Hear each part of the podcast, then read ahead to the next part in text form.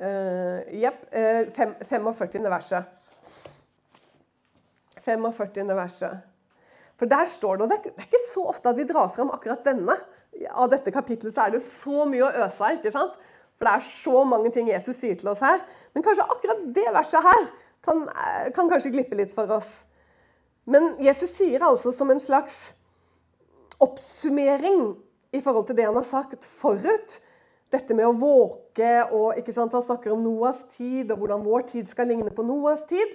Og så sier han Hvem er da den tro og kloke tjener som hans husbond har satt over sine tjenestefolk for å gi dem deres mat i rette tid? Og du, det Jesus sier her sånn, det er ikke noe som liksom plutselig dumper inn her med Matteusevangeliet kapittel 24. Men det kommer på ulike måter i lignelser og direkte tale av Jesus. Én ting er at han sier, og det vet vi, om nødvendigheten Og nå er det jo spesielt også mot lederskap, ikke sant? Eh, du kjenner Johannes, det 21. kapitlet, sant? hvor Peter får overgitt dette, nemlig ansvaret for å både fø fårene og vokte fårene. Og Det interessante er jo at begge deler handler om Guds ord. Du før fårene med Guds ord, og du vokter fårene med Guds ord. Og begge deler er like viktig. Men her sier han noe mer enn at du skal fø dem og gi dem mat. Og Han kommer ikke direkte inn på å vokte dem, men det er det han gjør indirekte. For Han sier du skal ikke bare gi dem mat, men du skal gi dem det er nesten litt sånn rett mat i rett tid. Du må gi dem riktig mat i rett tid. Og Hvis vi tenker i det fysiske og det naturlige og ikke åndelige nå, så er det jo viktig å gi arbeiderne, husfolket, mat i rette tid. Og når er det? Det er når de er sultne. Sånn. Altså, For at du skal kunne virke, så må du ha mat når du er sulten. Altså, du må få den nødvendige føde for at du skal kunne arbeide, simpelthen. Det er jo det, en opplagt sannhet. Men så her er det jo så klart i overført betydning først og fremst, nemlig den åndelige betydningen, av å gi dem ordet i rette tid. Og det er et veldig ansvar. For da det betyr det ikke bare liksom at du kan tenke at ja, liksom, sånn, For meg, da, når jeg skulle til og tale at Jeg gjør det aldri, altså. Sånn, det går jo an, da. Og liksom gå bort liksom, jeg begynner Etter 22 år så har du en liten sånn rad med, med, med andakter som du har bortover. Så kan du snappe, jeg drar ut den der. ikke sant? Og så skal vi se Ja, det der var visst en god en. Sånn? Å guri, tenk om jeg hadde begynt sånn. sånn. For da, vet du Da blir det vanskelig å gi mat i rette tid. Fordi det er altså det Jesus peker på, er jo da at det er ulik mat for ulik tid. Det er noe som er veldig viktig nå. sant? Å gi fårene. Og det jo, ligger jo spesielt på oss som taler Guds ord. Men uh, i det hele tatt tenker jeg at det er viktig også for oss som går ut, og i det hele tatt. Sånn at Ha bare den med dere nå som et sånt utgangspunkt. Og så skal vi hoppe inn i Gamletestamentet. For jeg liker jo da å eh, vise til eh, også Det gamle testamentet. Og i første krønikebok, i det tolvte kapitlet, så er det noe interessant. I begynnelsen av det kapitlet så står det hva, som det ofte gjør, ikke sant? litt hva dette handler om. Og i første verset så står det dette er de som kom til David i Siklag, mens han ennå måtte holde seg der av frykt for Saul, Kis sønn. De hørte til de helter som hjalp ham i krigen. Altså David er fremdeles Det er helt på avslutningen, dette her av at David må gjemme seg for Saul, for det er ikke lenge før Saul dør.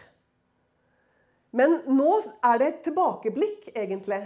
Fordi at eh, egentlig nå så er hele denne avdelingen med de kapitlene som kommer, er David blir innsatt som konge. Men så er det et tilbakeblikk til de som kjente sin tid. Til de som begynte å gå over til David. Fordi, ja, Nå skal man ikke tale noe sant, dette her, sant, må ikke misforstå meg sånn i forhold til Nei, men dette er viktig. Fordi at her remses det opp i det tolvte kapitlet de ulike stammene. Og hvordan de begynte å komme over til David fordi de forsto tiden. Og hør hvordan det står i 32. verset om Issakars, Issakars barn. Det er en av stammene, sant? En av de tolv stammene til Israel. Issakar. Så står det Og av Isakars barns menn som forsto seg på tidene. Så de visste hva Israel hadde å gjøre. Og deres høvedsmenn, står det i min gamle, er noen som har en litt mer moderne ord her. En høvedsmann. Det er jo en leder. Det kan være en embetsmann, det kan være en hva skal du si, for å holde oss i det gammelmodige, en stattholder. Eller en statsminister. Det kan faktisk være en hærleder òg. Men kanskje vi skal si at dette er da øverste ledere, rett og slett. Og det står at det var 200 av dem i Isakar som var ledere for Israel. Antageligvis også da, fordi de var slike som forsto seg på tiden. Og skal du være leder, så må du forstå deg på tiden. Du må forstå tiden, sånn at du kan gi folket mat, instruksjoner, rettledning, fokus i rette tid. Og dette forsto Isekar seg på. Var ikke det litt spennende? Sånn at de kom over til David, for nå var tiden der. De forsto tiden. De forsto at det var David som skulle ta over som konge. Og de forsto at det var nå det gjaldt å sette inn kreftene. Det er nå det gjelder. Å kjenne tiden. Det er ikke om et halvt år, og det er ikke om tre måneder. Men dere, noen ganger så er det nå, faktisk. Nå. Når det er med Gud å gjøre. Det er nå. Og du har sikkert opplevd som meg å være for sen ute. Og det er ikke noen god følelse. Sant? For ofte er Gud sånn nå. ikke sant? Og så blir du etterpåklok, og så sitter du der. Og det skulle jeg. sant? Den der følelsen. Men Gud er god. Han er nådig. Så i sånne situasjoner så har det ikke sånne konsekvenser. Kan ha det, men allikevel. Han slår ikke hånden av deg. Men dere, når det er snakk om en nasjon, eller det er snakk om Guds menighet, og i større forstand Guds menighet i Norge, da tenker jeg at å være leder, det er å leve tett på Han, som man kan høre og forstå. For det er bare Han som gir en mulighet til nettopp å høre og kjenne tiden. Hvis vi nå går derifra, så fortsetter vi litt i det positive, tenker jeg, før vi går til eksemplene på hvordan det kan få store betydning. Stor betydning at man ikke kjenner tiden sin. Og det er eh, Det er én som jeg er veldig viktig å ta fram. Og det er Daniel. Han er en mann som kjente sin tid. Og det beste eksempelet på å gå inn der og se det jeg har lyst til å liksom rette oppmerksomhet mot, det er Daniel kapittel 9. For der skjer det noe, nemlig. Fordi Daniel sitter og leser profeten Jeremias skrifter. Og nå er Jeremia død og begravet for flere tiår siden. Daniel lever i det babylonske riket. Hele, hele judafolket med Benjamin ble bortført til Babylon. Det vet vi sånn. Og nå, snak, nå er vi på 500-tallet før Kristus. Bare sånn for å dra dere alle med. Og Daniel er en av de som ble tidlig bortført. Han var sikkert bare en ung tenåring den gangen han kom til eh, Babylon. Hvordan vet jeg det? Jeg vet ikke helt sikkert, men du kan skjønne det litt sånn indirekte, selv om man ikke nevnes med navn. Men vær klar over når babylonerne tok Israel i to omganger. Og de tok først alt som var av Eh, høy ett av høyt utdannede. Eh, og Daniel eh, mener man jo var, og hans tre venner, nettopp det. Han kom fra familier, og av, muligens også av en kongeslekt. Nok om det. Så Daniel han var i Babylon. Jeremia er død og begravet for flere tiår siden. Og så sitter han og leser profeten Jeremia. Og det som skjer, er at han, han skjønner sin egen tid. Og Det er jo et glimrende eksempel for oss. Fordi hva er det som først og fremst skal hjelpe oss å forstå tiden vår? Jo, det er jo Skriften. Og fremfor alt det profetiske. Det spesifikt profetiske. Ord i Bibelen er jo gitt oss som et lys. For at vi ikke skal gå rundt i tåkeheimen, men for at vi skal ha lys, sier Peter, apostelen Peter. Så vi skal ha lys på et mørkt sted. Sånn at vi forstår tiden vår. Så det profetiske ord er helt avgjørende. Altså, hørte du en gang til. Det profetiske ord er helt avgjørende i menigheten for å forstå tiden. Det er først og fremst profetordet. Så, Daniel, så her har du bare et sånn konkret eksempel. da, Hvordan han sitter og leser. Profeten Jeremia. Og så skjønner Daniel sin egen tid. Og det er sånn Wow! Timeglasset holder på å renne ut. Fordi det han leser, er at Jeremia sa før han døde Før de til og med var bortført til Babylon, så skrev Jeremia ned hvor lenge Gud hadde sagt at de kom til å være i Babylon. Jo, i 70 år. Så skriver han det ned, sånn at ettertiden kunne lese at det er ikke sånn at vi skal bare vedbli å være i Babylon. Vi skal ikke bare være her, liksom. Nei, det er 70 år vi skal være her. Og dette visste ikke Daniel. Garantert. Han hadde ikke lys over dette i det hele tatt. Så jeg leser om Jeremia, så er det sånn Oi! Tiden renner ut. Og så ser han sikkert litt menighetens forfatning. Hvordan det står til i Israel. Og hans reaksjon, som det ofte var på den tida der Og kanskje hadde det vært litt bra for oss tenker jeg, at vi hadde, hadde fått litt av det. For Daniels reaksjon det er litt sånn inderlig bønn til Gud og nærmest sånn bønn og faste og sekk og Ikke sant? Eh, og gråt. Hvorfor det? Fordi han, han fornøyd. Og du, sånn har det alltid vært. Det har aldri noensinne vært en vekkelse i verden som ikke har begynt på denne måten gjennom sønderknuselse. Det har aldri. Av alle vekkelsesbevegelser jeg håper å si at Det høres ut som jeg, av alle vekkelsesbevegelser jeg har studert. Liksom. Det, er sånn det er altså litt teit å snakke sånn, men eh, jeg har lest litt om vekkelse. Selv om jeg absolutt ikke har lest alt som burde vært lest. For det er jo utrolig oppbyggelig litteratur, så det burde man bare pøse på med. Men jeg har aldri lest om en vekkelse som ikke begynner på den måten. Det er ikke noe man kan sitte og vente på, og det er ikke noe som bare kommer. Men det er noe som begynner i hjerter som blir helt sønderknust over to ting. Over ordet og over menigheten og over den verden i dag som ikke kjenner Skriften. Det er de tre tingene Søndagsknusensen går over. Og da er det en bønne... Vet du hva? Det er simpelthen det de gamle kalte for nåden og bønnens ånd. Det kalte de det. Og, og, jeg lurte på det, husker jeg, sånn, jeg kom inn i pinsebevegelsen. Og jeg har jo ikke alltid vært pinsevenn, for å si det sånn. Uh, men, og det var mange sånne nye begreper for meg da, som jeg aldri hadde hørt om. Blant annet nåden og bønnen sånn. sånn jeg tenkte, holder det ikke å si bønnen sånn. Eller liksom, men de gamle de sa ofte det.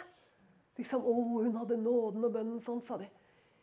Men det er nemlig dette at dette er ikke noe du kan på en måte håper si, dette er ikke noe du kan dra deg selv opp etter hårene.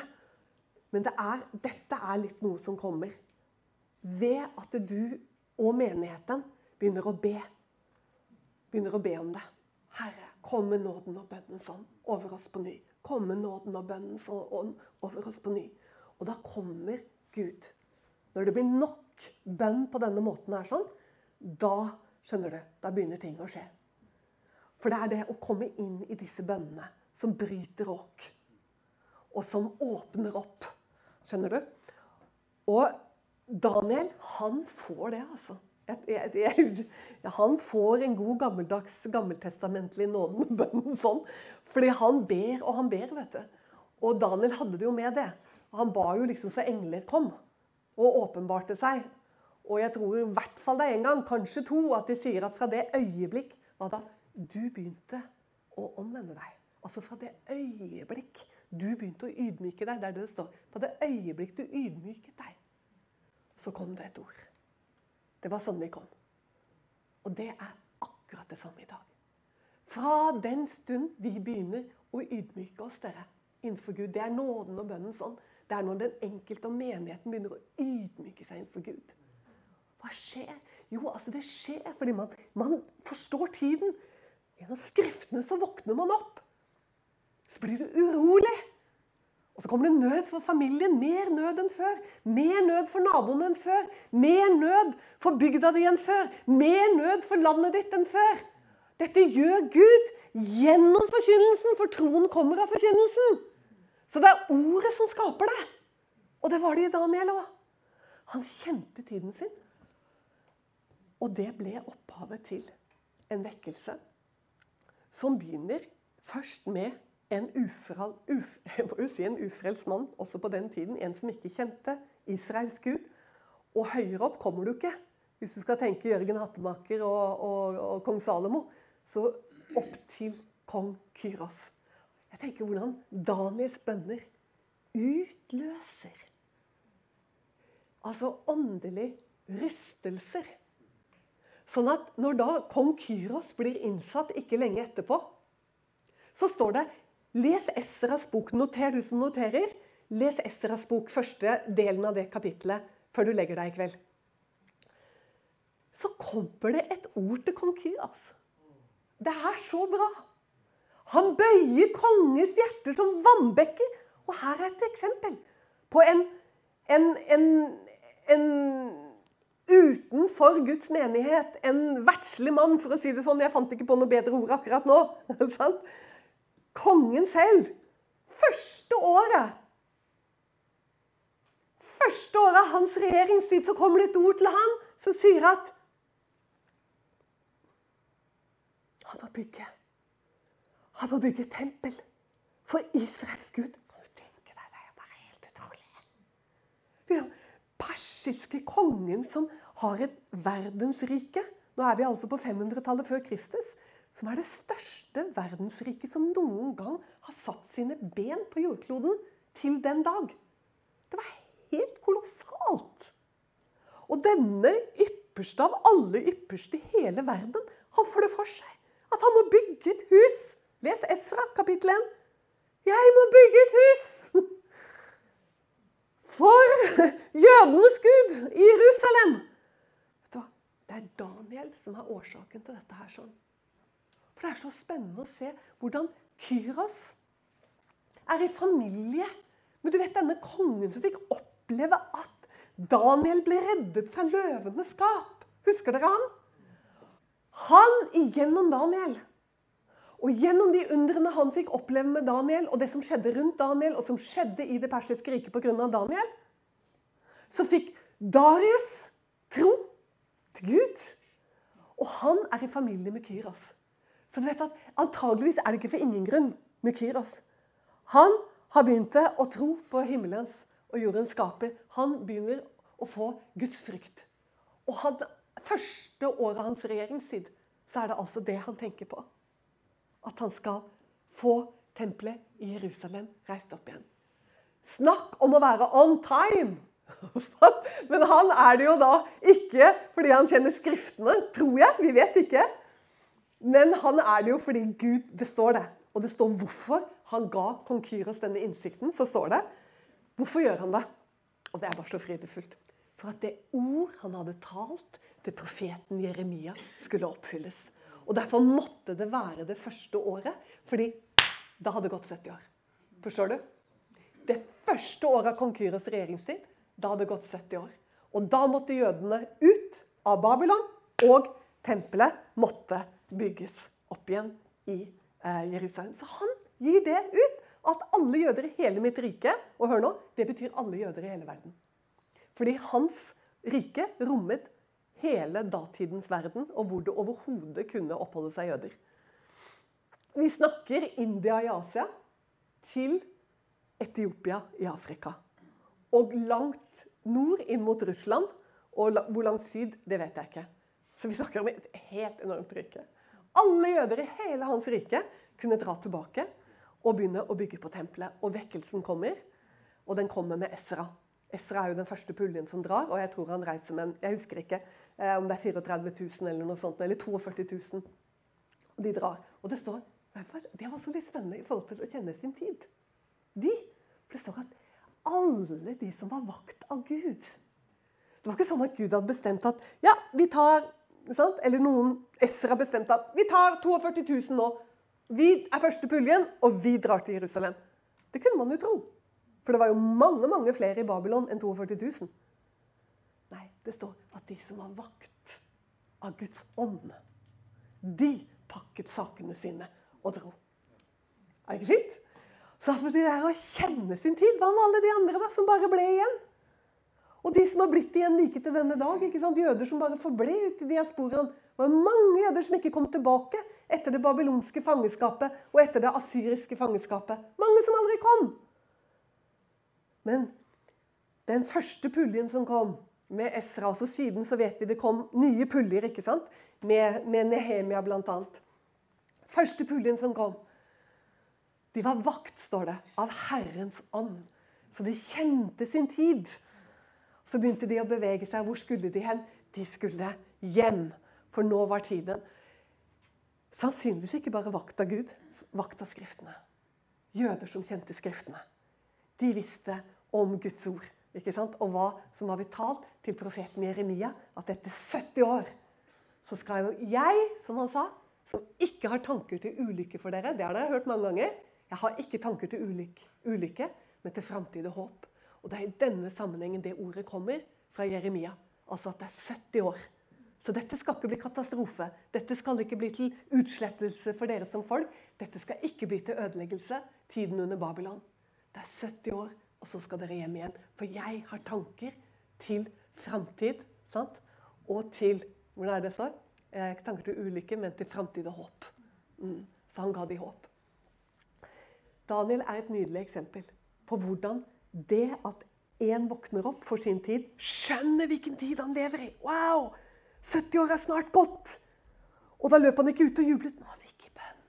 For han så jo forfatningen til folket sitt. Og når vi vet at bare 42 000 dro, med, så forstår du jo at her sto det ikke bra til. Og veldig ofte i Bibelen, når det er noe veldig viktig som skal skje, så står det ikke så bra til. Er ikke det rart? Hva er det for noe? Liksom, bare tenk ett eksempel, da. Altså, i Getsemane. Jeg mener, det var jo skjebnetimen til vår frelser. Som bare Alle var bare slått ut og sovnet. Og nå er det mørke som rår, sa Jesus. Og vi blir kanskje litt lurt gang på gang, fordi når mørket kommer, så er det jo på en sånn måte at vi vi forstår ikke helt sånt. Vi ser ikke klart. Men før det kommer veldig, veldig viktige tider, så er det altså sånn at man blir litt sånn svimmel. Og nå skal vi gå fra dette positive med Daniel nettopp over til det litt svimle. Og da er det lurt å hoppe litt bakover til den stakkars profet Jeremia, som var helt våken i sin tid. Altså, Jeremia han var, jo liksom, han var helt til stede i tida si. Og han ropte ut over folket. Sant? Fordi han visste fra Gud hva som kom til å skje hvis ikke de vendte om fra sine veier. Og han Tiår på tiår. Han begynte Det står det 13. år av kong Josias regjeringstid. Og så var han med gjennom neste konge, som var skal jeg se om jeg klarer å huske disse her siste Israels konger. Er det noen som har prøvd, har du prøvd deg på dem? Disse, disse, siste kongene. For der kommer de ganske tett etter hverandre, og de er ganske like navn. Og det er Joakas, og så er det Jojakim, og så er det Jojakin, og så, så er det Sidkia. Det er disse fire kongene. Nå, nå klarte jeg det faktisk, men jeg, jeg pleier å snuble her. Han var med gjennom hele dette her Josia var jo fantastisk. Så det, altså, det var jo da Jeremia kom inn og ble innsatt 13 år av kong Josias regjeringstid. Fantastisk. Han fikk være med på en opptur og en vekkelse i Israel. Jeremia. Men så dør Josia. Og så er det bare Det går liksom bare sånn, ikke sant? Og apropos å kjenne tiden. Josia, vet du, han våkner for sin tid. Fordi han begynner å søke Gud, står det 16 år gammel. Han ble konge 8 år gammel. Så står det når han var 16 år, begynte han å søke Gud. Og du vet at hvis du begynner å søke Gud, da begynner du å våkne for ting. Og det er jo det som skjer med Josia. Men ikke bare han, men også prestene i tempelet. Altså Josia han begynner å be, vet du. Og samtidig så finner da prestene i tempelet skriftene som har vært stuet vekk. Hvorfor det? Har du hørt om kong Manasse? Manasse, Det var bestefaren til Josia. Han var vel en av de mest ugudelige konger som Altså jeg tror for, Når det gjelder Judariket, den mest ugudelige av alle. Sant? Akab han var i Israel. Han var jo helt forskrekkelig, han som giftet seg med Jesabel. Men han var, i, han var i Israel, i Nordriket. Men dette er Sydriket, Judariket. Jeg tror ikke noen var verre enn Manasseh. Men han skal ha det, at han omvendte seg på sine gamle dager. Han omvendte seg. Og det er kanskje grunnen til at barnebarnet hans, Josia, var en så gudfryktig gud. For faren hans var ikke det, nemlig. Men han var så gudfryktig, sikkert fordi han så bestefarens omvendelse. Fra å være den mest hedenske, fryktelige konge som satte inn avguder i tempelet og all slags elende. Han ble en gudfryktig mann. Og Josia, 16 år gammel, begynner å søke Gud. Prestene i tempelet, sikkert fordi Josia søkte Gud og ba for folket sitt. Prestene i tempelet finner skriftene. Wow! Hvorfor det?